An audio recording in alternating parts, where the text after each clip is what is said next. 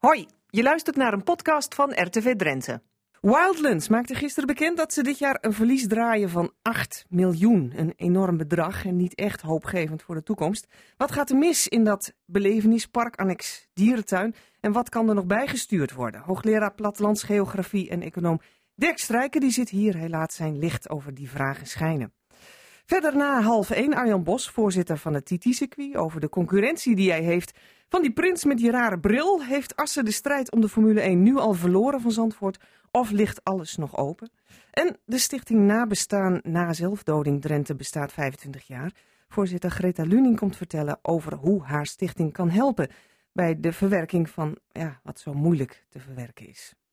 Tafelgast vandaag is Dirk Bruins van de LTO. Zijn clubje begon deze week een campagne voor eerlijke prijzen voor boeren met eh, de hashtag Wat krijgt de boer? Nou, ondertussen heeft minister Schouten ook allerlei ideeën over hoe het verder moet met de landbouw in Nederland. Ze laat ook steken vallen, zo hoorden we gisteren. Genoeg om over te praten dus. Dirk Bruins, goedemiddag. Goedemiddag. Ja, jullie roepen dit al jaren, eerlijke prijzen voor boeren. Waarom nu die campagne?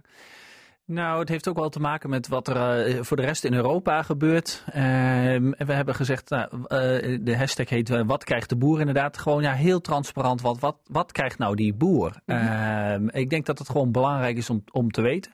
Um, en waarom? Je ziet dat het gat tussen platteland en stedelijk gebied, laat me zeggen, wordt wel steeds groter. en zelfs op het platteland merk ik in mijn eigen omgeving, bij vrienden, bij kennissen, dat die eigenlijk helemaal niet zo goed meer weten wat er op dat boerenerf nou gebeurt. Uh, en ook wat daar verdiend wordt. En het beeld ont, uh, bestaat nog steeds. Misschien is dat wel een beeld van vroeger ook, dat boeren rijk zijn. Dat er veel geld verdiend wordt. En nou, gelukkig verdienen we nog steeds geld. Alleen de marges worden wel heel erg dun. En er wordt ook heel veel gevraagd. Als ik kijk, van de week ging het weer over het klimaat in de Tweede Kamer. Er wordt van alles gevraagd van landbouw. En dan wordt er wel eens heel makkelijk wordt het bij het bedrijfsleven in zijn algemeenheid. En zeker ook bij landbouw worden een aantal opdrachten neergelegd. Zonder dat men het besef heeft, hey, wat kost dat nou? En wat gaat dat betekenen? Nou, dat begint bij, denk ik, uh, te laten zien wat krijgen we nou eigenlijk voor, een, uh, uh, voor onze producten. Mm -hmm. En dan is het wel, ja, dan schrikt toch mensen ook best wel. Als je weet inderdaad dat een, een, pak melk toch rond de 90 cent in de winkel opbrengt. en wij krijgen daar een, een goede 30 cent voor. En als je het over een kilo aardappelen hebt, is dat verschil nog veel groter. Een euro 30 ja. en 13, 14 cent krijgt een, een, een akkerbouwer krijgt daarvoor. Ja. Nou, dan zie je als je 13, 14 cent voor een, een kilo aardappelen krijgt... en er moet van alles voor gebeuren, dat de marges heel erg dun zijn. Nou, ik denk dat het goed is om te weten en te beseffen. Um, en dat ook uh, consumenten uh, beseffen dat ja, als we wat meer willen, uh, als we soms wat meer vragen... Uh, dat daar ook een goede prijs bij hoort. En ja. daar willen we transparant in zijn. Oké, okay, maar wat gaan we ervan merken van die campagne? Uh, nou, we zullen vooral. Uh, het, laat, het, het begint met het laten zien uh, van wat er aan de hand is. en wat die, wat die prijzen zijn. En nou, iets, iets anders wat door mensen in, in Brussel ook al eens aangegeven is: van kunnen we daar nou ook wat meer afspraken over gaan maken? Hoe die margeverdeling dan is. En dat daar wat, dat daar wat een eerlijkere concurrentie is. zien we nou ook een mooi voorbeeld. Friesland en of Friesland Foods van vroeger, hè, de, de, de, oude melkfabriek van het noorden. Mm -hmm. uh, en Campina zijn ooit een fusie aangegaan. Ja. en in Brussel, onze eigen Nelly Smit-Kroes, heeft daarvoor gezorgd dat daar heel veel restricties op waren, omdat die twee bij elkaar kwamen. En er zou misschien wel te veel marktmacht van uitgaan. Dat werd heel erg beschermd richting consumenten. En heel veel maatregelstoffen heeft die twee zuivelcoöperaties ook, ook echt geld gekost, laat me zeggen, om dat te doen. Uh, vervolgens zie je aan de, aan de retailkant, uh, aan, de, aan de supermarktkant, dat er hele grote machtsblokken zijn die echt kunnen bepalen inderdaad wat prijzen zijn. Mm -hmm. Nou, daar is ook, ook richting Brussel vragen we daar aandacht voor van, hè, uh, kunnen we, we zijn niet voor niks in, in het verleden coöperaties begonnen om een goed product neer te zetten. Uh, en daar ook een goede prijs voor te krijgen. Kunnen we nou aandacht krijgen voor het belang bijvoorbeeld van coöperaties uh, en organisaties als LTO, dat je in gezamenlijkheid kunt komen tot goede, eerlijke prijzen. Ja, maar dan ga ik als consument dus niet zoveel merken van jullie campagne. Uh, nou, het kan maar zo zijn dat die prijzen in, in, in de supermarkten wat omhoog gaan. Uh, en het kan zo zijn dat er in die, in die verdeling, in die hele keten, dat daar iets gaat veranderen, inderdaad. Ja, ja maar afgelopen zomer was ik op vakantie in Frankrijk bij een, volgens mij een huismerk van de supermarkt, uh, gewoon een, een, een, liter melk. Daar stond op, uh, boeren Gerard of hoe heten ze daar ook allemaal, krijgt van dit pak melk 44 cent. Dat werd gewoon op het pak ja. vermeld, zodat je ja. als consument dus ook weet van oké, okay, deze boer krijgt fatsoenlijk betaald. Want ik neem aan dat 44 cent fatsoenlijk is als je bedenkt dat je 33 cent een liter krijgt ongeveer. Ehm, moeten we die kant niet meer uit? Ja, nee, maar dat, dat is dus wat je, dat is wat je ook wilt. Hè? En uh, dus wij zijn nu gestart. Uh, ik bedoel, wij hebben uh, als LTO hebben niet zelf een zuivelfabriek. Hè? Um, maar we hebben gezegd, hè, we, we, beginnen hiermee om dat zelf inzichtelijk te maken. En het is zeker ook, uiteraard praten we met marktpartijen om dit breder te maken en het goed inzichtelijk te maken. En dit zijn hele mooie initiatieven, zoals je zelf al, al noemde inderdaad. Want dat vind ik als consument dus heel lastig. Je staat voor een, voor een enorm zuivelvak in de supermarkt. En er zijn misschien wel zes, zeven soorten melk. En oké, okay, het verschil tussen biologische melk en, en gewone melk, dat snap je nog wel. Ja. Maar wat is nou het verschil tussen huismerk en, en, en, en, en dure merk en zo? Dan denk je toch heel snel, nou ja, dan neem ik de goedkoopste wel. Melk is melk. Ja, maar dat, en dat is het dus ook. Hè? Uh, dus het is, uh, in dat opzicht is het, is het ongewis wat je eigenlijk koopt. En, en gelukkig maar uh, weet, gaat iedereen ervan uit van wat hier in de, in de supermarkt ligt. Dat is goed. En kan ik op een veilige manier kan ik dat ook consumeren. en daarmee zie je dus wel dat de afstand tot het, het, het het product wat in, de, in, de, in het schap ligt. En, en hoe het geproduceerd is en, en wat de kostprijs van zo'n uh, van zo'n product is, dat die eigenlijk helemaal weg is. Want het is, we leven gelukkig maar uh, in de luxe dat we dat soort dingen heel makkelijk kunnen doen. En dus eigenlijk niet zo goed meer weten waar ons product vandaan komt. En dat begint met het, met het uitdragen daarvan en de kosten inzichtelijk maken. Ja, en wie verdient dan wel al dat geld? Het verschil tussen 33 cent liter en, en zeg een euro? Waar gaat dat, geld heen? Uh, nou, als je naar de, er zitten heel veel schakels zitten daartussen. We proberen die keten zo kort mogelijk te maken. Uh, maar uiteindelijk natuurlijk is het, is het bekend dat met name uh, de retail hier goed aan verdient. En met name aan de versproducten hun grootste marge haalt. Ik geloof dat een, een retailer 40% van zijn, van, zijn, van zijn omzet haalt uit, uit dagverse producten. Ja. en die komen allemaal uit de landbouw. Ja, en dan moet je dus eigenlijk met hen de strijd aan. Ja, ja. En dat hoort ook bij deze campagne? Uh, ook dat proberen we, maar dat is gezegd, hè, dat, is, dat is voor LTO wat moeilijk. Hè, want wij zijn een, eh, een, een brancheorganisatie en we hebben zelf geen producten die we verkopen. Mm -hmm. uh, dus dat is lastig. Aan de andere kant uh, proberen we dat continu. Proberen we daar ook richting de politiek dat, dat aanhangig te maken. En dat gebeurt met name in Brussel is men daar wel echt mee bezig van hey, hoe kunnen we kijken naar een, voedselscheidsrechter bijvoorbeeld is al verschillende keren over gesproken. Omdat er wel gezegd, ja, voedsel is iets anders dan een auto. Het is een elementair product. Een basisbehoefte die mensen nodig hebben.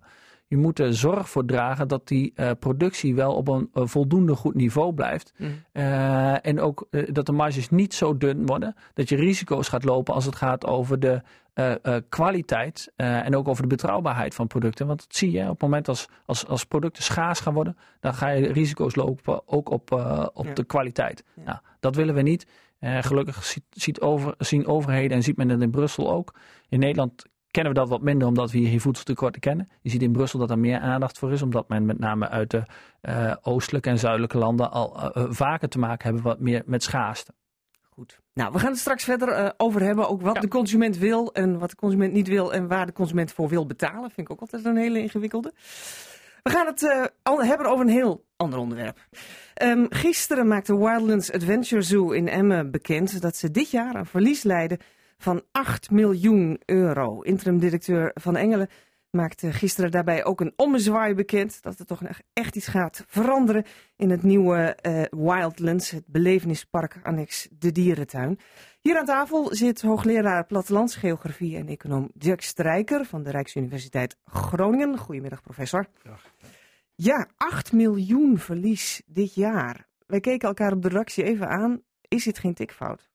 Nou, het was geen tikfout volgens mij, want dan was nee. hij ondertussen wel uitgehaald. Ja, nee, dat was het echt niet. Nee, het is een uh, fors verlies. Ja. Uh, en het is ook goed dat er nu uh, maatregelen aangekondigd zijn om er wat aan te doen. En het is maar de vraag of dat dan helemaal gaat lukken, dat zullen we zien. Maar het is in elk geval uh, een stap de goede kant op, denk ik. Ja. Maar, maar 8 miljoen in één jaar tijd, ja. dat er dus minder binnenkomt dan dat er uitgegeven wordt. Is dit nieuwe park zoveel duurder in zijn opzet dan? Nou, dat zal misschien zo zijn. Ik ben, ik ben geen dierentuindeskundige en helemaal geen pretparkdeskundige.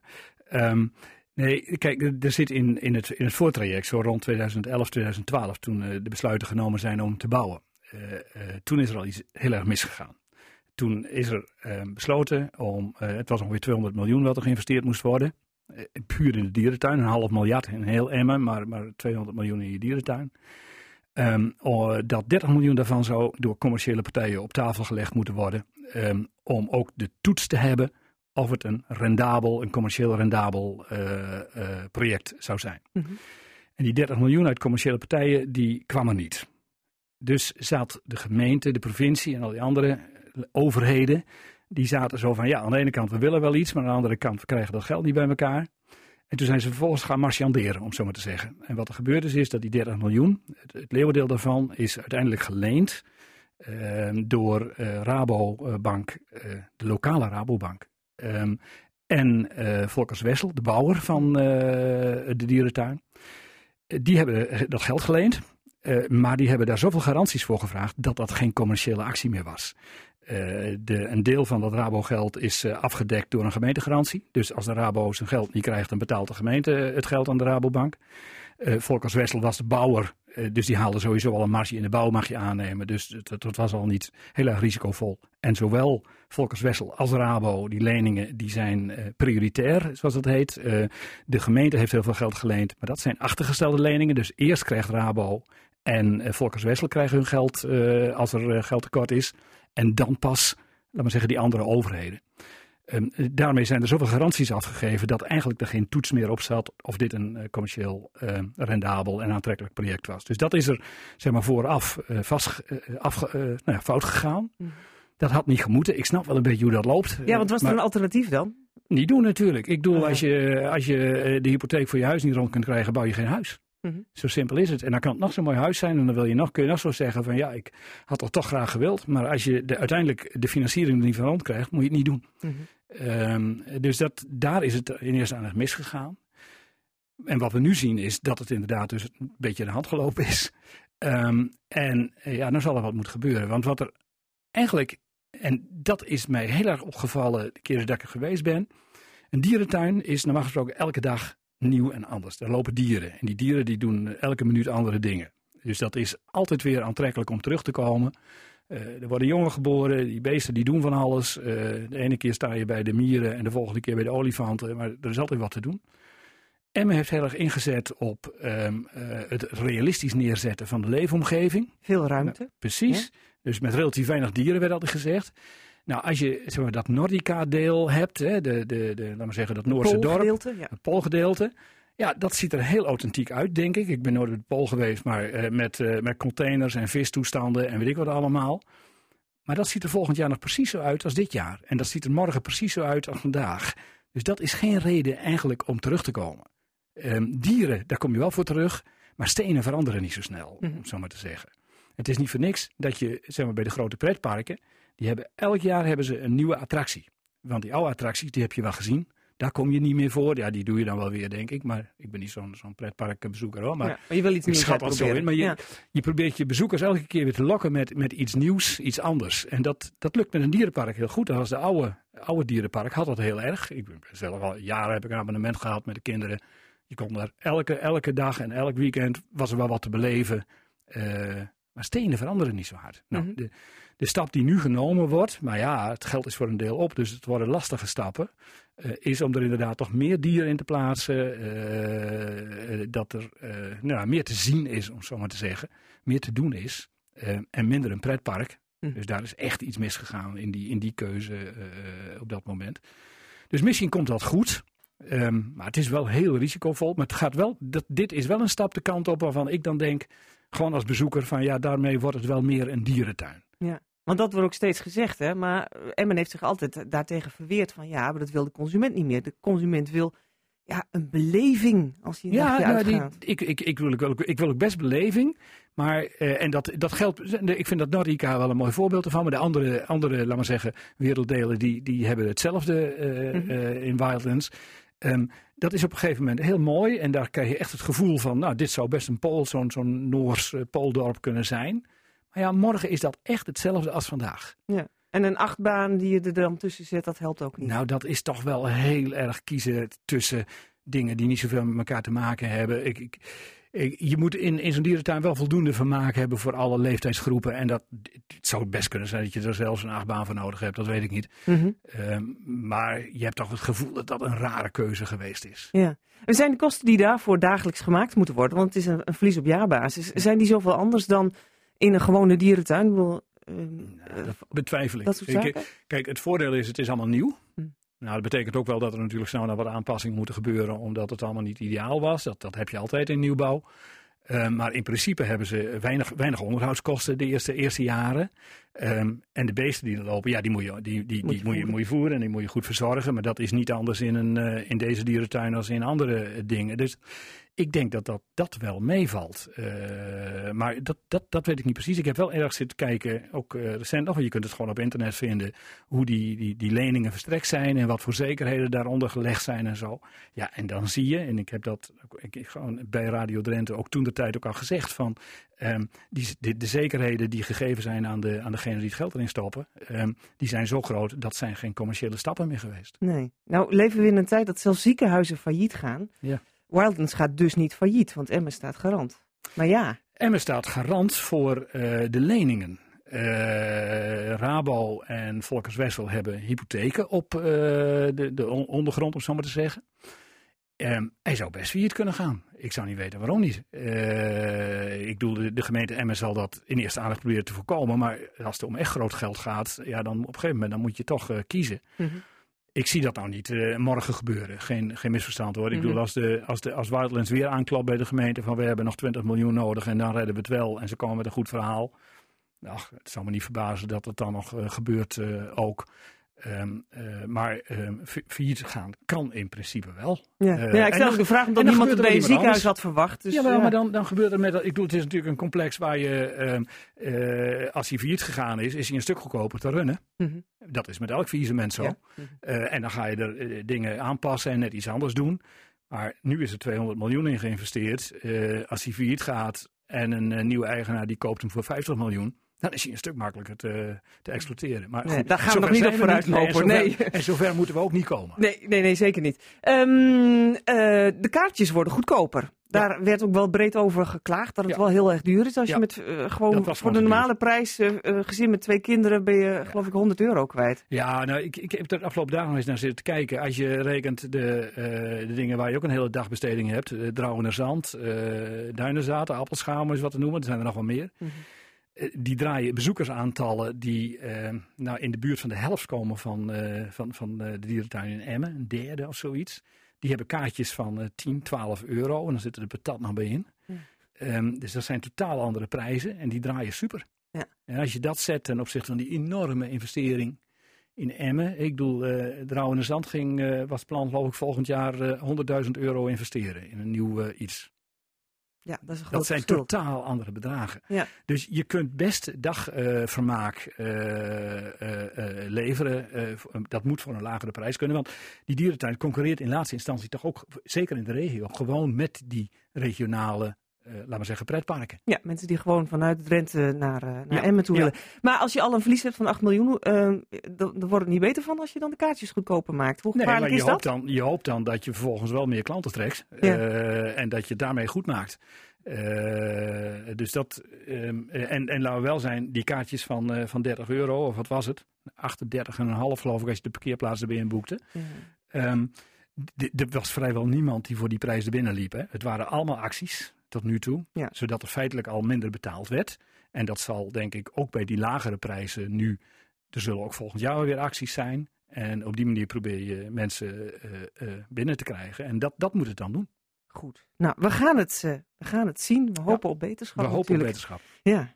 professor Dirk Strijker, dank u wel voor de komst naar de studio. Straks ga ik praten met Greta Luning van de stichting Nabestaan bij Zelfdoding over het 25-jarig bestaan van de stichting. Niet het soort jubileum waarbij je direct slingers ophangt. Stichting doet wel heel belangrijk werk. Zometeen de vraag hoe groot het taboe op zelfdoding nog is. En hoe nabestaanden kunnen worden geholpen. Zometeen Arjan Bos, voorzitter van het TT-circuit. Wat is de stand van zaken wat betreft de Formule 1? De media stonden er gisteren bol van gaat Zandvoort er met het been vandoor, zullen we maar zeggen. We horen het zo. Maar eerst even weer terug naar onze tafelgast Dirk Bruins van de LTO. Um, de landbouwbegroting wordt op dit moment behandeld in de ja. Tweede Kamer. Hè? En gisteren was er ook nieuws over minister Schouten... dat ze een belangrijke fout zou hebben gemaakt bij het toekennen van fosfaatrechten. Ja, dat verscheen overal in de media. Ik ben daar nog heel erg voorzichtig mee om te zeggen of dat een, uh, of dat een fout is. Uh, we wachten daarbij ook op de reactie van het, uh, van het ministerie wat die gaat geven. We hebben uh, vanuit LTO. Uh, ik zit voor melkveehouderij, LTO ook uh, in Den Haag. dus we proberen inderdaad daar bij de minister wel wat druk op te zetten om te zeggen van geef duidelijkheid hoe dat, hoe dat nou zit. Ja. En over die berichtgeving die, die verschijnt. Vooralsnog ben ik daar altijd even ben ik daar echt voorzichtig mee om te zeggen van of dat nou een fout gemaakt is of niet. Ik kan dat nou nog niet inschatten in ieder nee. geval. Ik begreep ze had fosfaatrechten toegekend aan vleesveebedrijven, terwijl die dit eigenlijk niet zouden moeten krijgen. En nou krijgen ze niet meer terug, want die vleesveebedrijven hebben ze al lang weer doorverkocht. Nou, dat, is, dat, ja, dat is een hele goede samenvatting. Uh, wat gezegd is, is uh, uh, de groei van de Nederlandse melkveestapel, daar ging het om. die zou beperkt moeten worden. Dat zou middels fosfaatrechten gaan, inderdaad, waarbij je dus een afbakening hebt van de hoeveelheid hm. melkvee die gehouden kan worden in Nederland. Waar het alleen wat lastig is om de scheiding te maken, is op het moment dat er een kalf geboren wordt en het is een vrouwelijk dier dan kan die in potentie melk gaan geven als die ouder wordt. Ja. Sommige dieren worden ervoor gehouden om, om uh, voor het vlees. Hè, dus die hebben, hebben uh, uh, van, van zichzelf een potentie wat, wat minder melk te geven. Vol, net voldoende voor hun eigen kalfje, voor hun eigen kalfje als dat weer geboren wordt. maar niet echt voor melkproductie. Alleen dat onderscheid is natuurlijk heel erg moeilijk te maken. En er staat gewoon in Nederland geregistreerd wanneer als een kalf geboren is en of het een mannetje of een vrouwtje is. En je kunt dus niet zien of die in potentie melk zou kunnen gaan geven of niet. En voor melkproductie bedoeld zijn. Nou, daarop is dus inderdaad uitgedeeld. En dus een deel van de uh, vleesveehouders hebben voor hun vrouwelijke dieren ook die rechten gekregen. Nou, dat wouden vleesveehouders zelf ook eigenlijk helemaal niet. Uh, dus daar zijn afspraken over gemaakt om dat weer, weer terug te draaien. En dat is wat er nu gebeurd is. En of dat nou een fout is of niet, Ehm, wat ik veel belangrijker vind is dat er vooral duidelijkheid komt over van wie behoort nou wat toe en waar kan hij op rekenen. Ja, want er zijn ook in Drenthe echt boeren die in problemen zijn gekomen omdat ze te weinig fosfaatrechten hebben. Ja, omdat ze te weinig fosfaatrechten hebben. Um, maar dat is, dat is op zich dat is een, los, een discussie die hier los van staat. Want op 2 juli 2015 is gezegd de veestapel mag niet verder groeien. En dat is, dat is als, het, als eikpunt. het eikpunt geweest. Ja, en na 2 juli 2015 uh, heeft het heel lang ontbroken aan wetgeving. En waren boeren dus ook niet, hebben boeren ook niks misdaan als, uh, als ze met hun bedrijf doorgegroeid zijn. Want ze wisten gewoon niet wat ze mochten doen. Er was ook geen mogelijkheid om uh, te groeien, om rechten van iemand anders over te nemen of niet. Maar het was ook niet verboden om te groeien. Ja, wat je nu ziet is wel, doordat het heel lang aan duidelijkheid heeft ontbroken over van uh, hoe gaan wetten er nou uitzien? Zie je dat bedrijven gewoon doorontwikkeld zijn? Er zijn kalfjes geboren. Ja, moet ik een kalfje wegdoen of niet? Ik weet het niet. Mm -hmm. Dus bedrijven houden dan die dieren aan. Ja, en dan zie je nou dat je met behoorlijke stappen terug moet. Ja, sommige bedrijven die waren net op dat moment van 2 juli aan het bouwen bijvoorbeeld. Dus die hadden vergunningen klaar. Die dachten van nou, Graag, we kunnen straks, straks meer dieren gaan houden. Ja, die kunnen ze nou niet houden. Dus ja, daardoor komt een aantal bedrijven in de problemen. Ja. Kunt u aangeven hoeveel bedrijven dat zijn? Ja, er wordt nu een, uh, gezegd een, een 800 bedrijven die, uh, die aangeven het echt heel erg moeilijk uh, te gaan krijgen. Ehm, als, als je met accountants praat en zo en die hun eigen portefeuilles doorkijken, dan lijkt dat aantal, aantal wat kleiner te zijn. Dat je op, op een, ja, een, een, ergens tussen de ergens tussen de 100 en de, en, en de, en de 300, 400 bedrijven hebben die het, die het echt heel erg moeilijk gaan krijgen. Die, uh, uh, echt wel wat noodsprongen zullen moeten maken om het, om het te halen. En uiteindelijk zullen daar ook een aantal bij zitten die het gewoon ook echt niet kunnen gaan halen. In Drenthe? Uh, uh, nou, daar heb ik het over heel Nederland. Ja, ja. En daar zitten er een aantal van, van, van ook in Drenthe. Ja. Okay. ja. Goed. Ander nieuws dan. Ook van gisteren. Formula One Management Limited, eigenaar van de Formule 1 zou Zandvoort een concreet aanbod hebben gedaan voor het houden van de races in 2020. De handtekeningen zijn nog niet gezet, maar ze zijn een heel eind op de rit. Zo maakte mede-eigenaar Prins Bernhard van het circuit gisteren bekend. Nou, dat zou betekenen dat Assen achter het net vist, terwijl we zo goed op koers leken te zijn. Voorzitter Arjan Bos van het TT-circuit is bij ons uh, via de app. Als u tv kijkt kunt u hem dus even niet zien. Goedemiddag. Ja, goedemiddag. Ja. Is het al zover dat we inderdaad kunnen zeggen dat Assen achter het net vist? Of zijn er nou toch schriftelijke verklaringen over wat de stand van zaken is? Nee, wij vissen nog zeker niet uh, achter het net. Um, wat wij begrepen hebben is nog steeds dat inderdaad de Formula One Management, zeg maar de FOM afgekort, um, dat zij inderdaad um, zeggen en ook aan ons hebben gezegd van joh, de kans is groot met name door Max Verstappen, uh, die het enorm goed doet, uh, dat die kans groot is in Nederland dat er toch een Grand Prix gaat komen. Uh, men spreekt zich daar niet definitief uit in een Zandvoort of een Assen. men heeft al wel wat voorwaarden meegegeven. dat je zou kunnen, kunnen denken van joh, dat zou de vier moeten zijn. dit en dit is belangrijk om, om het te kunnen hosten. En dat hebben ze zowel bij ons als bij, bij Zandvoort gedaan. Dus het is nog geen, geen gelopen race. Wat ik er wel aan overhoud is dat uiteraard Zandvoort ook druk bezig is. Dat wisten we. Maar dat de FOM uh, misschien wel uh, veel waarde hecht aan ja, historische betekenis van een circuit. Ja, en het is gezegd dat Zandvoort heeft natuurlijk de nostalgie van de Formule 1. Daar is hij in het verleden geweest, voor het laatste 1985. die historie hebben wij met motorraces. Daar hebben wij een gigantische historie. dus dat is in dit geval in ons nadeel. Daar kunnen wij niet op concurreren. Wel op het gebied van een baan of accommodaties, tribunecapaciteit, infrastructuur, et cetera. Nou, die is bij ons top. Uh, alle mensen in de media, dat hoor je ook. En de kenners die zeggen eigenlijk van ja, Assen is toch al veel verder. Hè? Waarom niet daar? Uh, maar nostalgie kunnen we niks aan doen. Die is nou eenmaal bij het oude circuit Zandvoort. En dat, ja, dat kan wellicht een voordeel zijn, dat weet ik niet. die stand van zaken kennen we ook niet. Daar laat de FOM zich ook niet over uit. Maar er zijn wel twee circuits heel druk bezig om het naar Nederland toe te halen. En laten we in ieder geval hopen dat dat lukt. Ja, toen ik dat allemaal uh, voorbij hoorde komen in de media gisteren, toen dacht ik wel bij mezelf, wordt de beslissingen over wie het nou wordt, Zandvoort of Assen, wordt dat nu uh, eigenlijk een soort emotionele beslissing? Juist omdat u zegt, het is een verhaal van sentimenten, van historie. Nou, het, het, dat zou kunnen. Um, uh, kijk, ik, ik zou haast zelf denken dat dat een afweging is waar de fanbeleving belangrijk moet zijn. Natuurlijk ook de, de, gebouwen, de accommodaties, de hospitality, uh, paddock, pitboxen, infrastructuur, er komt een heleboel bij kijken. Maar blijkbaar weegt het ook zwaar, de nostalgie en de historie. En uh, ja, ik, ik, ik, ik, ik weet het niet. Uh, de, de, de definitieve beraadslagingen moeten denk ik nog gaan plaatsvinden. Dat hebben wij in ieder geval wel meegekregen. Er zou absoluut geen definitieve beslissing zijn. Het fijne vind ik wel aan de nieuwsgaring die naar buiten komt, dat de FOM wel uh, serieus overweegt om naar Nederland te komen. En dat bericht hadden wij inderdaad ook al eerder gehoord. Dus ik denk dat we nog steeds goed in de race zijn. As is er klaar voor. Um, eigenlijk financieel ook uh, er klaar voor. En ja, Zandvoort heeft natuurlijk wel haast. Uh, als daar verbouwingen moeten plaatsvinden aan de gebouwen, dan moet men dat nu wel gaan doen. En er is inderdaad geld benodigd om die fee te betalen en ook om alles te kunnen, kunnen bekostigen. In die zin heeft Zandvoort denk... meer haast dan Assen.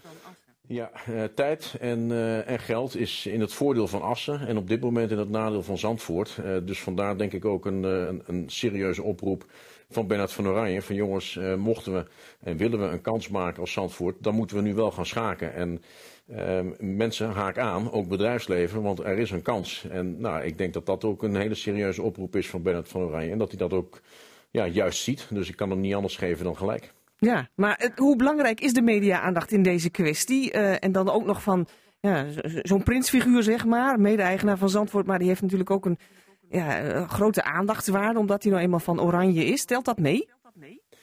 Ik denk het wel. Ik denk uh, voor de Amerikanen, uh, die zeg maar de rechterhouders zijn van de Formule 1, dat dat zeker meetelt. Ik zou ook het, netwerk van, de, van Bernard van Oranje, van de Prins, zeker niet uh, willen onderschatten. wij hebben ook een heel goed netwerk. Uh, maar hij maakt er gewoon serieus werk van. Uh, wij ook. En ja, we moeten kijken waar dat uh, toe gaat leiden.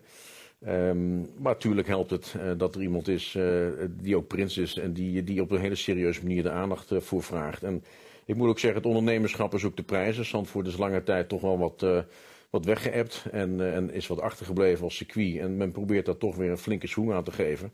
Dus dat vind ik hartstikke mooi. Ik, die concurrentie is ook goed. Uh, Assen heeft op dit moment wat dat betreft wel een voorsprong. Maar nogmaals, die nostalgie, uh, ja, daar kunnen we niet zo heel veel aan veranderen. Dat is lastig.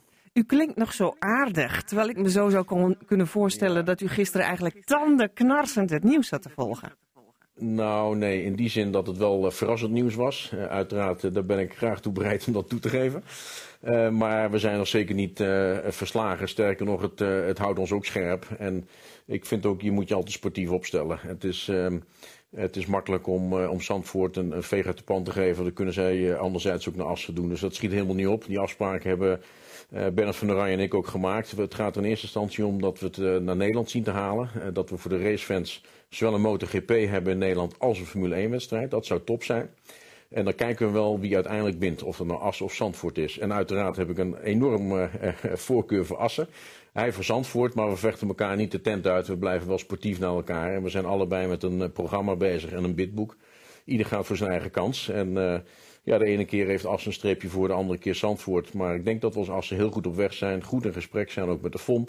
Ook met andere belangrijke stakeholders, uiteraard ook met de gemeente Assen, provincie Drenthe. Die supporten ons ook op een geweldige manier. Ja, en eigenlijk is alles rond. Dus, dus het kan gewoon in het noorden. En uh, ja, je hoort ook heel veel mensen zeggen, als het daar kan, waarom ook niet? Het noorden kan het best goed gebruiken. En, uh, en heel Nederland kan dan uh, genieten van de Drentse gastvrijheid, zou ik willen zeggen. Dus, dus wij gaan vol gas door. Geen, ja. geen twijfel. Wanneer verwacht u duidelijkheid? Ik durf het bijna niet te vragen met de manier waarop het gaat. Maar wanneer verwacht u duidelijkheid hierover? Ja, dat is soms best lastig kijken in, de, in, in zeg maar de organisatie die, die de FOM heet. De, de, contacten zijn goed. Ik denk dat wanneer je praat over 2020, 2021, want daar uh, gaat Assen voor, Zandvoort ook. 2020 dus op zijn vroegst, want de kalender van 2019 is al bekend. Ja, dan moet je ongeveer in de zomerperiode van 2019 moet je er toch wel zijn en ook staan en er met de FOM uit zijn. En eigenlijk is het met de FOM een commerciële deal. Dus dan moet je er commercieel met hun uit zijn. En de Internationale Autosportfederatie, dat is de FIA, die zet het dan vervolgens op de kalender. Dat is eigenlijk de goede volgorde. Uh, maar de commerciële deal is, uh, is dan heel belangrijk met de FOM. Hè, het betalen van de fee en het voldoen aan alles waar zij behoefte aan hebben. Nou, daar, daar komen we wel uit. Maar een plaatsje op de kalender krijgen, dat is lastig. En dan uiteindelijk het ook winnen. En ja, daar gaan we voor. Maar zomerperiode volgend jaar, dan moet het op zijn laatst duidelijk zijn. We zijn benieuwd. Dank u wel, Arjan Bos, voorzitter van het Titi De stichting Nabestaan na zelfdoding in Drenthe bestaat 25 jaar. Het is vooral een lotgenotencontact, want als een geliefde, een familielid, een vriend plotseling een einde aan zijn leven maakt, dan blijven nabestaanden bijna altijd in ontreddering achter. Voorzitter van de stichting is Greta Luning. Ze zit hier. Goedemiddag. Goedemiddag. Ja, de vragen voor nabestaanden zijn vaak dezelfde, kan ik mij voorstellen? Ja, in principe wel. Waarom vraag staat altijd voorop. Het, uh, het, het niet, niet kunnen beseffen, het, het niet um, kunnen begrijpen van wat er gebeurt. Er is, is in één keer, wordt alles eigenlijk onder je voeten weggemaaid. Je komt in een, in een diep gat mhm. van, van onwerkelijkheid. Ja. U kent het uit uw eigen ervaring. Daarom bent u deze stichting ooit in andere provincie, maar ook in Drenthe, opgestart. Ja. Ik woonde in, in uh, Deventer. Daar woonde en werkte ik. Mijn broer woonde hier in Drenthe, ook in Ansen. En uh, ik kreeg telefonisch bericht van zijn buurvrouw of ik direct naar huis wilde komen. En mijn man en ik zijn toen gegaan. En ik voelde al op het moment dat, we in de, ja, dat ze belde, de buurvrouw, van er is iets. En wat het is, kan ik niet duiden, maar het is ernstig. En ik had ook niet het gevoel dat ik moest vragen. Dus we zeiden, ja, we komen. Ik heb nog gevraagd, moeten we naar het huis van mijn broer of naar mijn ouders? Nee, ze zegt, naar je broer. Dus wij zijn in de auto gestapt en uh, naar de Ansen gereden. Stilzwijgend eigenlijk, alleen met een toilettas mee. Dat gevoel had ik ook van, dit is niet even. En uh, ja, toen was er van alles te doen. Toen wij op de boerderij aankwamen, hij was ook landbouwer, zelfstandig. En um, er liep politie, er was een huisarts, de, een oom en tante van mij waren er. Hij was mijn enige broer. Mijn ouders zaten totaal verslagen in de keuken, helemaal met een, een krap in de keel. En uh, ja, het ging zo het ging. En er was ook geen ruimte om vragen te stellen ik zag en ik hoorde van alles. En op een gegeven moment kwam er uh, recherche uit het kantoor. En die zeiden van, nou, u mag de begrafenisondernemer bellen. Dus ja, dus hij is overleden. Maar u, hoe, u wist dat daarvoor ik niet? Ik wist nog niks. En um, ja, toen, toen kwam de begrafenisondernemer, de, de huisarts kwam nog even, uh, die nam min of meer afscheid. Er kwam nog een een vreemde arts, een schouwarts. En ja, toen eigenlijk in het verhaal, toen die begrafenisonderneemster er was, toen door het vragen van haar, beantwoordde mijn moeder vragen. En zo kwam ik er eigenlijk achter. Want u wist dat uw broer was overleden, maar u wist niet hoe. En dat ik wist helemaal dus, niet hoe. Nee, hebt u later... totaal niet. En dat heb ik dus zeg maar in het verhaal naar de begrafenisondernemer eigenlijk pas gehoord. Ja, was dat Tenminste, zo moeilijk dat voor het mensen? Door, ja. Dat het doordrongt aan mij. Mm -hmm. Ja. Dat, dat is hetgene wat ik mij daarvan herinner. Het is Ja. natuurlijk al lang geleden, het was 1990. Maar ik weet wel dat het eh, ja, heel onwerkelijk was. Uit uw eigen ervaring bent u vervolgens deze stichting begonnen. Ik zat eh, in de zorg en woonde dus in Deventer. En het toeval wilde dat ik eh, net een nieuwe baan, of ik moest nog eh, solliciteren na het overlijden van Paul. En dat ging wonderbaarlijk goed, want je zit helemaal in zo'n, in zo'n flow, zeg maar, negatieve flow. En, ehm, want het leven gaat door. Dat, dat merk je ook van iedereen, van ja, dit is gebeurd en het leven gaat door. En ik dacht ook, ik moet maar weer werken. Want het moet weer gewoon zijn. En eh, toen deed ik dus een, een, eh, een opleiding, een aanvullende opleiding. En daar kwam heel veel psychologie in. En ik had het geluk dat mijn allerbeste vriendin toen al, nu nog, eh, op de hoogte was van de situatie. En die heeft mij in die periode heel erg gesteund. En met haar kon ik ook over Paul praten. Zij heeft hem ook gekend. En eh, ja, daardoor heeft ze mij ook het duwtje gegeven om in 19, begin 1992 daar aan een lotgenotengroep mee te doen in Deventer. En zodoende ben ik daar eigenlijk in terechtgekomen. En daar hoorde ik van andere nabestaanden eh, wat voor gevoelens, die konden gevoelens onder woorden brengen. En daar herkende ik van wat zij vertelde. Toen denk ik, dit is wat er binnen in mij speelt. Ik kon het zelf ook niet goed verwoorden, want er was, mijn vriendin kon wel meeleven, maar kon het ook niet inleven. Dus het was heel moeilijk om woorden te vinden.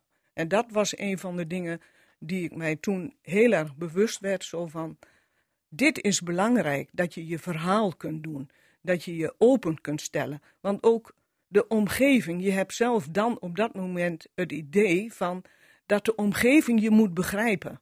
Maar laat staan dat je zelf je proces begrijpt. Dat begreep ik toen helemaal niet. Dat eerste jaar was één automatische piloot. Ik deed en ik las veel toen direct, toen waren waren er nog niet zoveel boeken. S'nachts las ik, overdag werkte ik. En ik haalde de energie uit het werk. En eh, ja, en zodoende, door die, die, door die lotgenotengroep, werd ik gevraagd daar door de, of moesten wij opgeven van wat wij dachten, hoe wij na de bijeenkomsten door zouden gaan. En toen heb ik aangegeven van, nou, eigenlijk wil ik ook wel iets waarvan ik, eh, waarbij ik een lotgenoot een handreiking ga geven, om in ieder geval het verhaal te doen. Want wij begrepen elkaar. Er hoefde niet wat uitgelegd te worden. De, de RIAG-medewerker zei toen ook van, jullie kunnen inleven in elkaar. En dat is hetgene wat ik mis. Eigenlijk leer ik nu van jullie, van hoe jullie dit, deze emotionele trauma-ervaring eigenlijk eh, verwoorden. Ja. U bent toen in Ansen gaan wonen. Ja, in 97 ben ik weer terug verhuisd naar Ansen. Had dat ook te maken met de dood van uw broer? Nou, in zoverre dat mijn ouders toen ouder werden.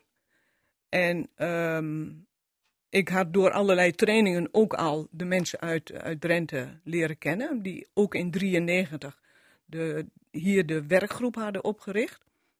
En daar ben ik dus in 97 bij aangesloten. En nou bestaan jullie 25 jaar. En nu bestaan we 25 jaar. Ja, ja, Ja. ik zei al, het is, het is een jubileum, maar ja, toch niet jubileum Ja. je een feestje gaat Nee, vieren. maar, de, maar het is zo bijzonder. En eh, je spreekt zoveel mensen in zo'n noodsituatie. Kijk, bij mijzelf is het allemaal nog redelijk gegaan. Hè? Dan praat ik over financiën en, en dat soort dingen. Maar er komt veel meer bij kijken als alleen al dat door zelfdoding overlijden van een dierbaar iemand. Ja. Er zit Financiën zo- is niet het eerste waar ik aan denk. Nee, maar je, je weet nooit. Er er zijn situaties waar ook financiën op de achtergrond heel erg meespelen. Dat er een, een gat is, hè? Ik heb net ook gehoord van, van mijn eh, collega, Bruins. zeg maar, ja. Ja. Van, eh, dat er nu weer zoveel boeren in financiële nood verkeren door die fosfaatrechten. Mhm, mhm. Nou, dat soort achtergronden waren er toen ook. Wel op ander gebied en ook in gewone gez- gezinssituaties. Dat mensen, er is heel vaak al een, een lange voorgeschiedenis. dat mensen depressief zijn en in de put zitten en er niet meer uitkomen. Nu de laatste jaren is dat vooral, uh, uh, kan dat uh, de, de druk van social media mm -hmm, zijn mm -hmm. en de, de, de verslaving, alcoholproblemen komen we ook heel regelmatig tegen. En ja, soms schokverslaafd, hè, dat mensen grote, grote uh, schulden hebben. Mm -hmm. En dat komt dan ook allemaal nog achter dat uh, verlies vandaan, ja. wat niet altijd bekend is. Uh, kunt u ook zeggen, komt daar misschien ook de taboe vandaan? Want het, het verbaasde mij, ik, onlangs werd ik daar wat mee geconfronteerd en dat ik, dat ik naar die cijfers een keer keek. En toen, toen zag ik dat bijna 2000 mensen op het afgelopen jaar uh, omgekomen zijn door zelfdoding. Dat is enorm veel. Dat is enorm veel. Uh, veel meer als, op, op, als door andere oorzaken. Terwijl ja. daar heel vaak aandacht voor is. Hier hoor je relatief echt heel erg weinig van. Ja. Terwijl het natuurlijk net zo triest is, of mis, misschien nog, nog wel triester zou je kunnen bijna zeggen. Omdat er vaak heel veel achter zit. Maar toch ja. blijft het heel erg in anonimiteit. En, en hoor je daar heel weinig over. En lijkt er een heel erg taboe op, op te, te, rusten. De, dat taboe verandert wel, omdat de media er veel meer aandacht aan schenkt. Hè? Je ziet ook documentaires en, en dat soort dingen. Er worden uh, meer boeken geschreven, er wordt veel over geschreven, ook door nabestaanden die een boek schrijven. Mm -hmm. En uh, dus wat dat dan gaat, is er wel wat meer openheid. Maar om het zo rechtstreeks te zeggen van, uh, ja, ik ben iemand verloren door zelfdoding, is voor heel veel mensen lastig. Ook al om, om de bescherming van die dierbaren te beschermen. Of die, die ja, ja. dierbaren in bescherming te nemen. Ja. Van, hè, geen, nou ja, niet, niet meer... Uh, want er is nogal wat, wat, wat je vertelt dan. Vooral met mensen die een langere voorgeschiedenis hebben. Ja. Uh, hoe, hoe lang begeleidt u lotgenoten? Is dat iets wat jaren duurt? Nee. Of is het hoe, waar, men, waar hebben mensen behoefte aan? Uh, soms kan een gewoon een gesprek individueel thuis al, al voldoen. We gaan altijd bij de mensen op huisbezoek, zeg maar, om ze in de vertrouwde omgeving te laten. En uh, nou, uit dat gesprek komt vaak van wat de behoefte is. Sommige mensen uh, hebben voldoende aan nog eens een gesprek. En er zijn ook een aantal mensen die zeggen: Ja, ik wil toch graag in een lotgenootgroep. En dan kan dat ook. En ja. dat kan dat ook. Die starten we één keer per jaar, meestal in het voorjaar, februari, maart. Ja. En dat is dan zo tien bijeenkomsten. Goed. U hebt ook een mailadres, neem ik aan? Ja. Of een uh, internetadres waar mensen zich kunnen melden als ze ja. graag willen praten? Info snnzd.nl Precies. En nou, mocht u rondlopen met vragen rond zelfdoding, er is ook altijd een telefoonnummer voor beschikbaar. 0900 113. Dat vertel ik daarbij. Greta Luning, dank u wel voor het verhaal. Ik wens u heel veel uh, ja, succes, is een beetje raar. Uh, toch wel, ja. Succes met uw stichting. Ja. Uh, nog vele jaren erbij, zeggen we dan toch maar bij ja, een, uh, bij een ja, jubileum. helaas, zeggen wij dan ook. Hè? Dat, ja. dat is de dubbelheid. Maar uh, we zullen daar niet ja, afkomen. iedere nabestaande die de behoefte heeft om te praten... Die en die we bereiken, doen. dat kunnen ze doen. Goed. Dat is ons doel. Tafelgast vandaag is Dirk Bruins van de LTO, de Boerenbranchevereniging starten een campagne voor eerlijker prijzen deze week. En uh, ja, als het aan minister Carole Schouten ligt, uh, moet het ook allemaal veel duurzamer en biologischer. Dus ook betere prijzen, denk ik dan automatisch, Dirk Bruins? Ja, dat is wel waar wij ook altijd op, op ingezet hebben natuurlijk. Hè. Als je kijkt naar de Nederlandse land- en tuinbouw, we hebben veel kennis. Uh, we zijn al jaren heel erg lang, we zijn al jaren bezig met, met duurzaamheid. Als je kijkt, de zuivel bijvoorbeeld, hebben we in de keten hebben we het echt geregeld tussen zowel de primaire sector, de boeren, als de zuivelonderneming hebben we de duurzame zuivelketen opgericht. Uh, waarbij we dus ook een heel aantal partijen vragen, hè, NGO's onder andere, van, uh, van, van kijk met ons mee. Hè, wat, verstaan we onder duurzaam en welke kant zou het op moeten? Dus daar werken we heel hard aan. en dat zou ook een toegevoegde waarde moeten zijn voor wat wij doen. En volgens mij is het dat ook. Het aardig was, vorige week zat ik nog in, in Zambia. om om boerencoöperaties daar te begeleiden. en een stuk kennis die wij hier hebben daar over te brengen, zodat ook, ook daar de voedselproductie op een goede manier, uh, op een duurzame manier ook, uh, ook voortgezet kan worden. Ja, maar het is wel de discussie steeds, hè? want we kunnen heel intensief en heel met gebruik van technologie en zo zoveel mogelijk Ja. willen produceren. Ja, dus, en dus, daar, daar zit wat spanning op. Aan de Ja. ene kant zijn we hier, als je kijkt naar de, naar de footprint, hè, bijvoorbeeld over CO2 is een belangrijk thema. Nergens in de wereld wordt het zo efficiënt geproduceerd als hier. Eh, en toch zie je dat er enorme discussies overal op ontstaan. Je zou het op een, op een veel extensievere wijze kunnen doen. Hè? eh, en dat wordt dan vaak als duurzaam gezien. Dat gaat ten koste van je CO2-footprint. En dat is natuurlijk altijd een beetje van. eh, ja, eh, op, wat vind je belangrijk? En de, e- de ene vindt, de, de ene vindt het ene belangrijk en de ander vindt het andere belangrijk. En dat is ja, waar we ook wel continu aan het schipperen zijn. En met partijen vooral aan het praten zijn van. Hè, en wat zien we nou als streefbeeld met elkaar en waar willen we aan werken? Om dat in gezamenlijkheid te doen. Ja, want dan komt er een minister en die zegt, nou ja, dat wil ik eigenlijk als mijn beleid voor de komende vier jaar. Ja. Maar ja, over vier jaar is er weer een andere minister. Wat denkt u al op het moment dat u zoiets hoort van, oké, nou moet het weer duurzamer en dan moet het meer kringloop en regionaler. Nou, wat u zegt, hè, de politiek, dat is, dat is wel altijd een, een, een, een- lastig. En wat wij veel meer aan het doen zijn, ook als LTO-organisatie, zijn van, kun je nou met allerlei partijen eh, ehm, eh, tot een gezamenlijk punt komen? We hebben onlangs een, nieuwe visie geschreven als het gaat over eh, grondgebondenheid, waarbij we allerlei partijen gevraagd hebben van, kijk nou mee en schrijf nou mee aan dat rapport. En is dat dit het streefbeeld waar we naartoe kunnen werken? Want wat je vandaag de dag te vaak ziet, is dat een, een partij, eh, eh, een, een groep eh, burgers of een, een, een organisatie die vindt iets van de landbouw en die gaat naar de politiek en die gaat daar aandacht voor vragen.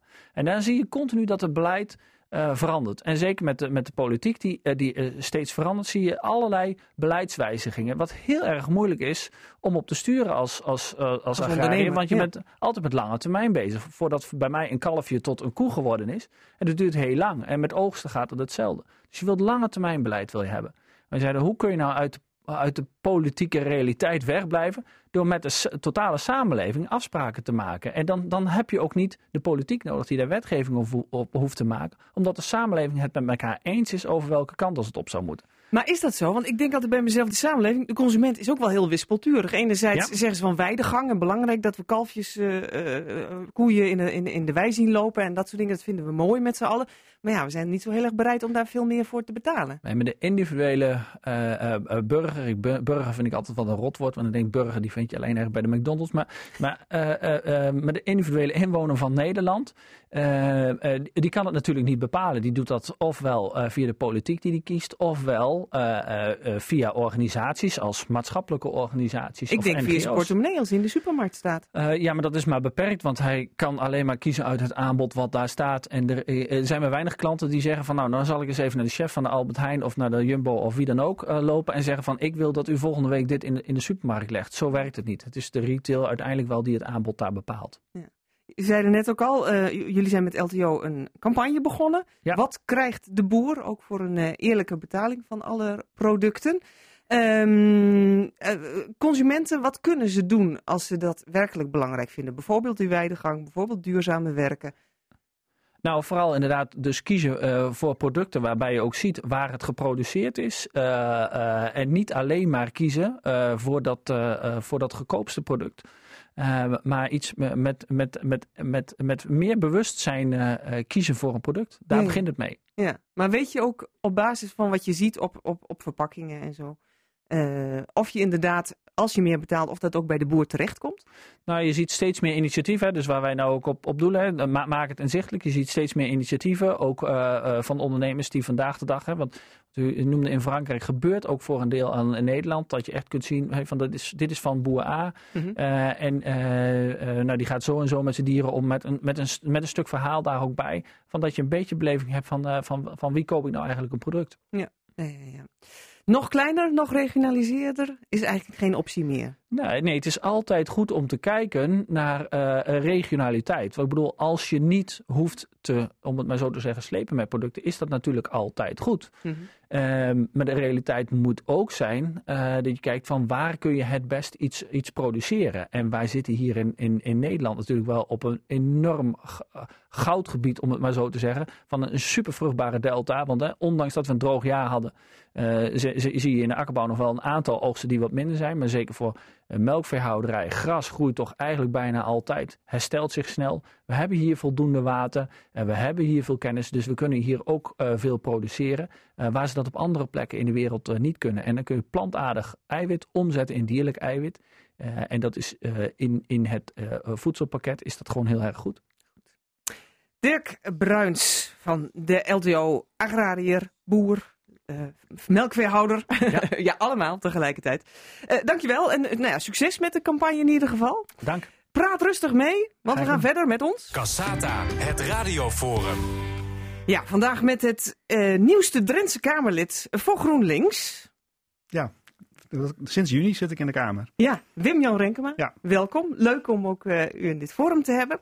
En uh, Jan Smits van de VVD. Ja, statenlid. Statenlid voor de VVD. Nu Precies. Bijna acht jaar.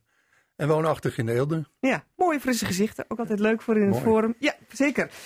Um, ik noemde hem net al, uh, de ijsbaan. Daar wilde ik het toch maar eventjes over hebben. Uh, we hadden deze week misschien iets meer verwacht van de vergadering die er in Hogeveen werd gehouden over hoe het nou verder moet met de Hogeveense plannen. Over de ijsbaan, annex zwembad, want het is een gecombineerd plan. Uh, meneer Smits, hoe moet het verder? Ja, ja, ik, eh, om eerlijk te zijn, ik, ik had het wel een beetje verwacht. Dat er, kijk, er ligt een rekenkamerrapport. En wat ik erg jammer vind aan dat rapport is dat dat rapport nu kennelijk beoordeeld wordt langs de lijnen uh, van coalitie en oppositie. Want de hele oppositie vindt het een goed rapport en de hele coalitie vindt het een matig. Uh, zo gaat het rapport. toch zo vaak in de politiek? Nou, je gaat daarmee rekenkamerrapporten die in de aard natuurlijk objectief horen te zijn. En die niet over duiding gaan, maar over feiten. Is de Raad op welk moment voldoende geïnformeerd? Nou, de Rekenkamer stelt daar iets over vast. En de oppositie zegt, ja, dat klopt. En de coalitie zegt, nee, daar klopt niks van.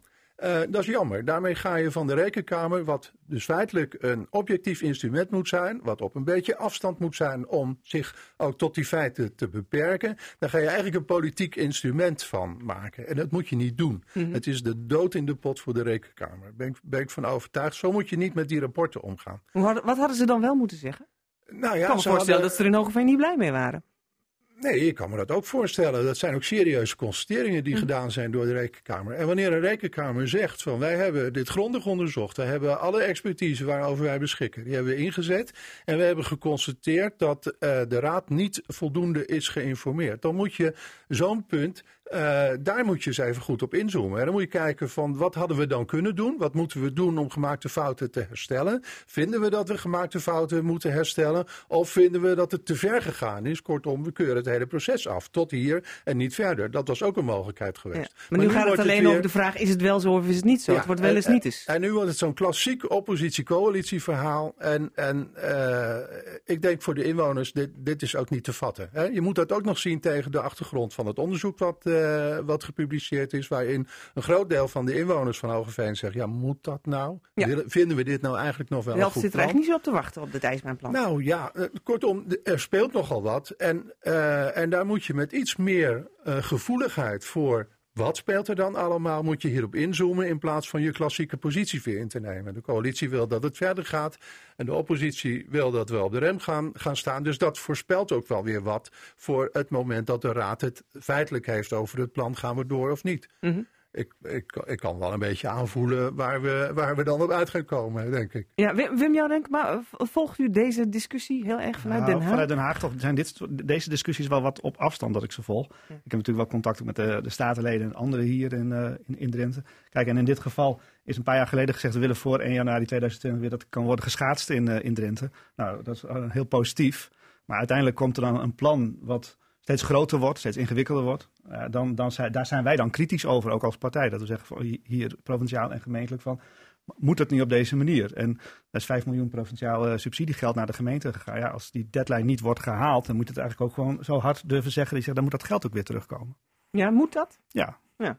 Jan Smit? Nou, weet ik niet. Zover zijn wij nog niet. We hebben gezegd van laat het nou eerst maar eens even in de raad uh, uh, liggen. En de raad moet, is nu aan zet, die moet een besluit nemen.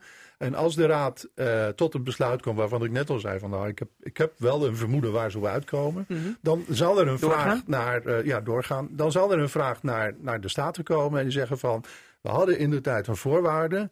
Vind je het goed dat we dat een jaar en drie maanden gaan opschuiven? Ja, die vraag hebben ze dus ook al gesteld. Die hebben ze in september eigenlijk al neergelegd. Wat vindt u? Nou, die vraag hebben ze gesteld. Die hebben ze ook weer, weer teruggetrokken. Omdat ze zeiden van het is eerst aan de raad om een besluit te nemen over de gang van zaken. En ik vind dat correct. Ehm, eh, en ik vind we moeten ook niet op, op eh, de situatie vooruitlopen. Laat de raad nou gewoon eerst zijn ding doen. Tot een besluit komen. Dat leidt ertoe dat de vraag bij de, bij de provincie gaat komen. Want er was natuurlijk een harde voorwaarde. Ehm, ja, en als je dan kijkt van hoe gaan we daar dan mee om, dan moet ik ook even weer terugkijken. Want wij hebben in de tijd gezegd: Hogeveen, ga je gang maar. Omdat Hogeveen bij een eerdere deadline op tijd was en Assen niet. Mhm. Eh, en als we nu zeggen: die factor tijd, nou, die, die doet er niet zoveel meer toe. Hogeveen, eh, je bent nou niet op tijd, maar Ga je gang maar. ja. Uh, is niet, nou, eerlijk, dan- is niet eerlijk voor Assen. nou nee, dan kan ik me heel goed voorstellen dat als ze dan zegt van zo werkt het toch niet. Ja. Dus dat zullen we heel zorgvuldig moeten afwegen. Maar nogmaals, eerst is de raad aan zet. Ja, kijk, Wildlands is natuurlijk vandaag ook in het nieuws, zo net ook in de uitzending geweest. Wat, wat mij wel opvalt is dat dit soort plannen worden over het algemeen met allemaal goede bedoelingen en ook met heel veel ambitie neergezet. En ze worden eigenlijk dan ook steeds groter. En op het moment dat het, eh, dat het niet goed komt en een financiële probleem ontstaan, dan is het wel publiek geld wat er naartoe is gegaan. En nou, daar, daar ben ik wel kritisch over. Mhm. Nou, kritisch over. Nou ja, dan vind ik dus dat, dat, dat als je subsidie hebt gegeven, in dit geval bijvoorbeeld vanuit de provincie, en het, gaat, het, het komt er niet van, het, eh, die ijsbaan komt er niet of anders of kleiner, dan moet je, dan moet je ook hard durven zijn als subsidie geven en zeggen, nou dan willen wij dat geld terug hebben. Zo duidelijk wel. Ja, anders zijn uiteindelijk inwoners de dupe. Ja. Ja, dat is waar. Maar ik vind dat daar weer een andere kant aan zit. We hebben namelijk dat geld niet gegeven om het geld te geven. We hebben geld gegeven omdat we ijsbaan. ijs in, eh, in Drenthe wilden. Eh, we weten allemaal dat eh, in de Bonte Wever dat, dat, dat kan al heel lang niet, eh, niet meer. Dat, dat wordt hem ook niet meer. En we hebben volgens mij, daarmee dienen we ook het belang van heel veel Drenthe die heel graag willen schaatsen. En met dat doel hebben we dat geld beschikbaar gesteld om ook een stimulans te bieden van joh, eh, met dit geld gaat het misschien lukken. ja, en als je die voorwaarden nou eh, per se wil handhaven, dan schaatsen we voorlopig nog langer niet. Nee. En Nee. daarmee zijn wij de, volgens mij de enige provincie van Nederland waar, waar we niet zo'n faciliteit hebben. Ja, je kan je dus afvragen hoe erg is dat? Want je kunt ook naar Groningen, je kunt ook naar Heerenveen. Maar feit is wel dat heel veel Drenthe, heel veel ijsverenigingen ook in Drenthe, die hebben gezegd wij willen dat wel heel graag dat dat er komt. En wij hebben als provincie ook steeds die attitude gehad van we moeten dat mogelijk maken. En daarvoor was dat eh, wat geld. Ja. Dirk Bruins, ben je schaatser toevallig? Ja, eh, groot schaatsliefhebber. Ja, Oh, eh, Ook eh, zelf zelf, doen, ook, zelf ook jaren geschaatst inderdaad. En, eh, en dan ging ik, ging naar, want toen woonde ik nog in Zwolle. En dan gingen we altijd naar Heerenveen om daar te trainen. Dus ik vind het, ik vind, ik zou het, ik vind het echt jammer inderdaad dat we op dit moment geen, geen faciliteit hebben. Dus ik ben een groot voorstander van om, om te kijken dat we dat, dat wel kunnen hebben. Is gewoon, ook we willen gewoon sport willen we stimuleren. Dat zie je ook vanuit Drenthe, zowel breedte sport als, als ook topsport.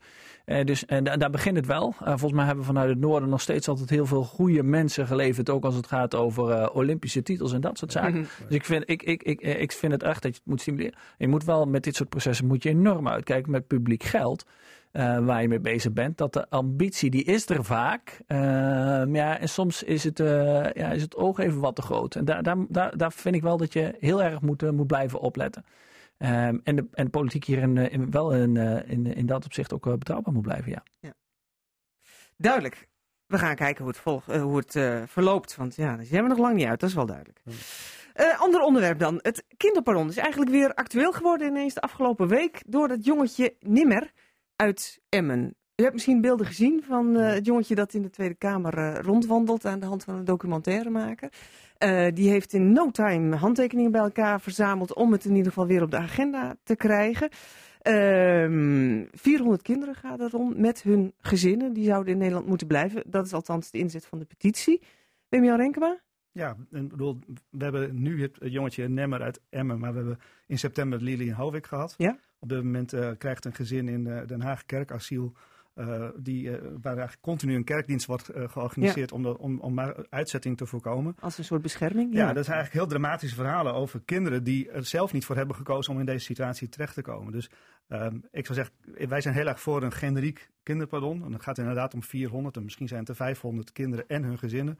Dat Als die hier al langer dan vijf jaar zijn en als ze hier geworteld zijn en gewoon ook de taal spreken, dan moet je eigenlijk op dit moment niet zeggen eh, ze moeten op het, het land uit. En eh, nou, ik denk dat dat een. eh, een eh, het, ik heb die documentaire gezien. Het was, eh, ik vond het schokkend hoe Tweede Kamerleden reageerden op dit jongetje met zijn microfoon. Ehm, ze blijven allemaal staan. Hè? Niemand die ging hurken om eens met hem in Dat gesprek te mij ook komen. op. Ja. Uh, het, Ja. en, en, vervolgens dan toch maar het gesprek aangaan met de journalist in plaats van met dit jongetje. En ik snap dat wel, want het is voor politici is dit heel erg ingewikkeld. Het is heel makkelijk om in algemene termen te spreken over asielbeleid, over kinderpardon. Als je daar in abstracte termen over blijft praten, dan, dan lukt dat wel. Maar zo gauw het concreet wordt, zo gauw het een kind betreft die tegenover je staat, dan staan ze eigenlijk gewoon met een mond vol tanden. Vindt u eigenlijk ook dat de documentairemaker te ver ging door met het jongetje in de kamer te komen? Nou, er, zat, Er was ik wel kritiek op. Ja, ik- eh, het is een vrij lange documentaire. Hij volgt niet alleen dit jongetje, maar ook andere eh, Mhm. kinderen. Eh, er zit wel wat effectbejag in, wat mij betreft, in de manier waarop op, op dat moment, zeg maar, de, de setting die wordt gecreëerd. Ik bedoel, ik, ik loop daar elke dag in de Tweede Kamer en het, er is ontzettend veel pers, veel, veel camera's. Dus er zit iets in van, van. Maar aan de andere kant, ik, ik twijfel niet aan de intenties van deze documentairemaker. Hij wil laten zien wat dat concreet eh, eh, betekent. En nogmaals, ik vond het schokkend hoe politici reageerden. Jan Smits, Klaas Dijkhoff van de VVD, van Nieuwe Partij, die kreeg misschien wat meeste voor zijn kiezen. Ja, Ik moet eerlijk zeggen dat ik dacht, nou, ik vind het wel goed dat hij het gewoon durft uit te leggen. Ja, maar het, maar het klonk wel hard. En, eh, en dat vond hij volgens mij zelf ook. Hij, Ja. heeft, hij heeft dat nog weer in een, in een YouTube-verhaal. heeft hij nog weer de behoefte gehad om dat, eh, om dat toe te lichten. Ik vond het ook wel fijn dat hij dat deed. Eh, dat hij daarin ook wat meer de nuance zocht. Want het gaat natuurlijk niet om, het gaat niet om dit kind. Eh, dit jongetje, Nemmer, heeft nu weer een gezicht gekregen. Dat, Ja. daar, zit, daar zit een bepaalde strategie achter. Hè? Van geef kinderen een gezicht. En, en, en we vinden het allemaal dramatisch voor dat kind. Maar Zou, Ja. ja, feitelijk hebben we het daar gezegd. niet over. Als, als ik, het gaat als toch ook ik- om kinderen? Jawel, het gaat wel om kinderen. Maar het gaat, waar het eigenlijk om gaat, is er zit een systeemfout in die hele asielprocedure. Dat, daar gaat het om. Eh, van de week hoorden we nog weer de berichten dat mensen eh, zeven, acht maanden moeten wachten om hun asielaanvraag Ja. in te mogen dienen. Dan gaat het niet eens om de behandeling van die asielvraag. Ja, maar want het gaat IND heeft geen mensen meer, ze kunnen Exact. geen medewerkers krijgen. Exact. En, en, en hier raken we een kern van het probleem. Het duurt allemaal veel te lang. En dat vindt iedereen. Of je nou van GroenLinks bent of je bent van de VVD. Iedereen vindt het duurt veel te lang en je solt met de belangen van mensen. Ja. En, en dat is niet goed. Als mensen volgens een, een integere procedure onderzocht is dat je eh, uit een veilig land komt en dat je best terug kan. Eh, dan mag je ook best tot dat besluit komen, maar daar moet geen acht jaar tussen zitten. Dat kan niet. Nee. En Maar zeker vindt niet u voor dat dan kinderen die hier geworteld zijn. ondertussen er een kinderpardon, ik zeg maar bijna een nieuw kinderpardon- moet komen voor deze 400 kinderen? Ja, weet je, het risico van een kinderpardon is dat je, je, je gaat weer een grens bepalen. En er zullen ook weer gezinnen en kinderen zijn die net aan de Andere kant van die grens zitten. En, eh, en dan krijg je alle kinderpardons tot nu toe die we hebben eh, ingesteld. Dat hebben we allemaal met de beste bedoelingen gedaan. Maar die hebben allemaal tot nieuwe grenzen geleid en tot nieuwe tragische gevallen. Dus wat we nou moeten doen is eigenlijk niet weer een kinderpardon. We moeten de, de, de weeffout in het systeem die moeten we gaan oplossen. Eh, ondertussen betekent het ook dat je iets zult moeten met, met de kinderen die nu het slachtoffer zijn van het systeem. Daar ben ik me heel goed van bewust. Maar als je maar steeds ingaat op die individuele gevallen en je, en je kijkt categorisch niet naar de oorzaak waardoor deze gevallen steeds ontstaan, dan zijn we niet goed bezig. Dan vallen we steeds weer in herhaling. En het systeem moet echt beter. Dit Mhm. kan niet. Dat je acht maanden wacht op het mogen indienen Oh ja. van een aanvraag. Precies. Eh, en dat je vervolgens jaren moet wachten voordat eh, zo'n aanvraag uiteindelijk tot een conclusie komt. Dat kan niet. En, en arbeidsmarkt of niet, we zullen dit moeten oplossen, want dit werkt niet. En dit, dit leidt tot grote ontevredenheid in het hele spectrum van de bevolking. Want dit, dit, is, dit is natuurlijk niet de politiek op haar best. Nee.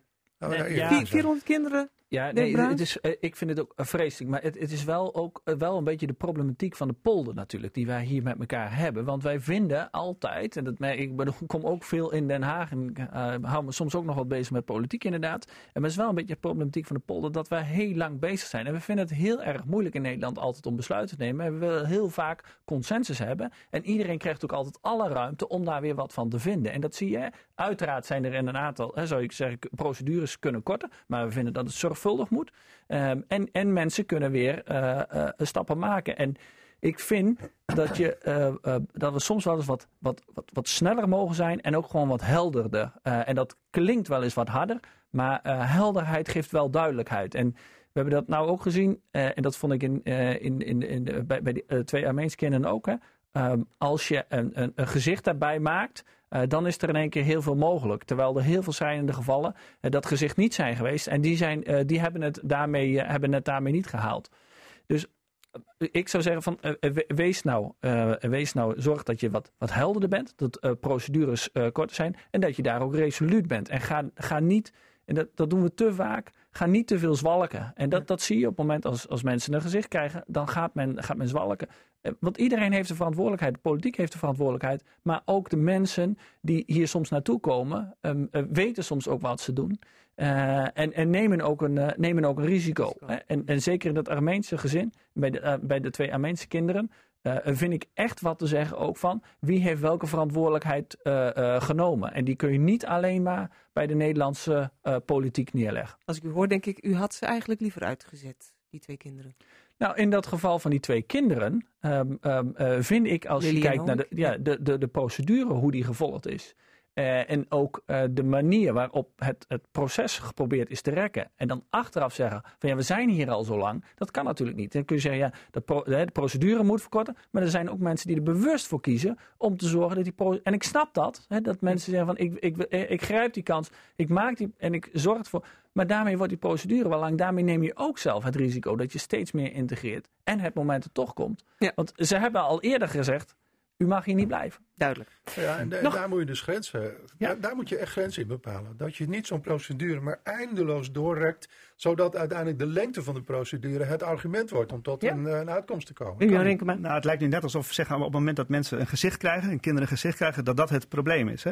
Ehm, ik, het is heel Feitelijk helder. is het ook zo. Hè? Dat geeft de IND Dan- geeft dat zelf ook aan. Wij dan hebben wordt het vele, voor mensen- vele schrijnende gevallen Ja. gezien die we hebben terug moeten sturen.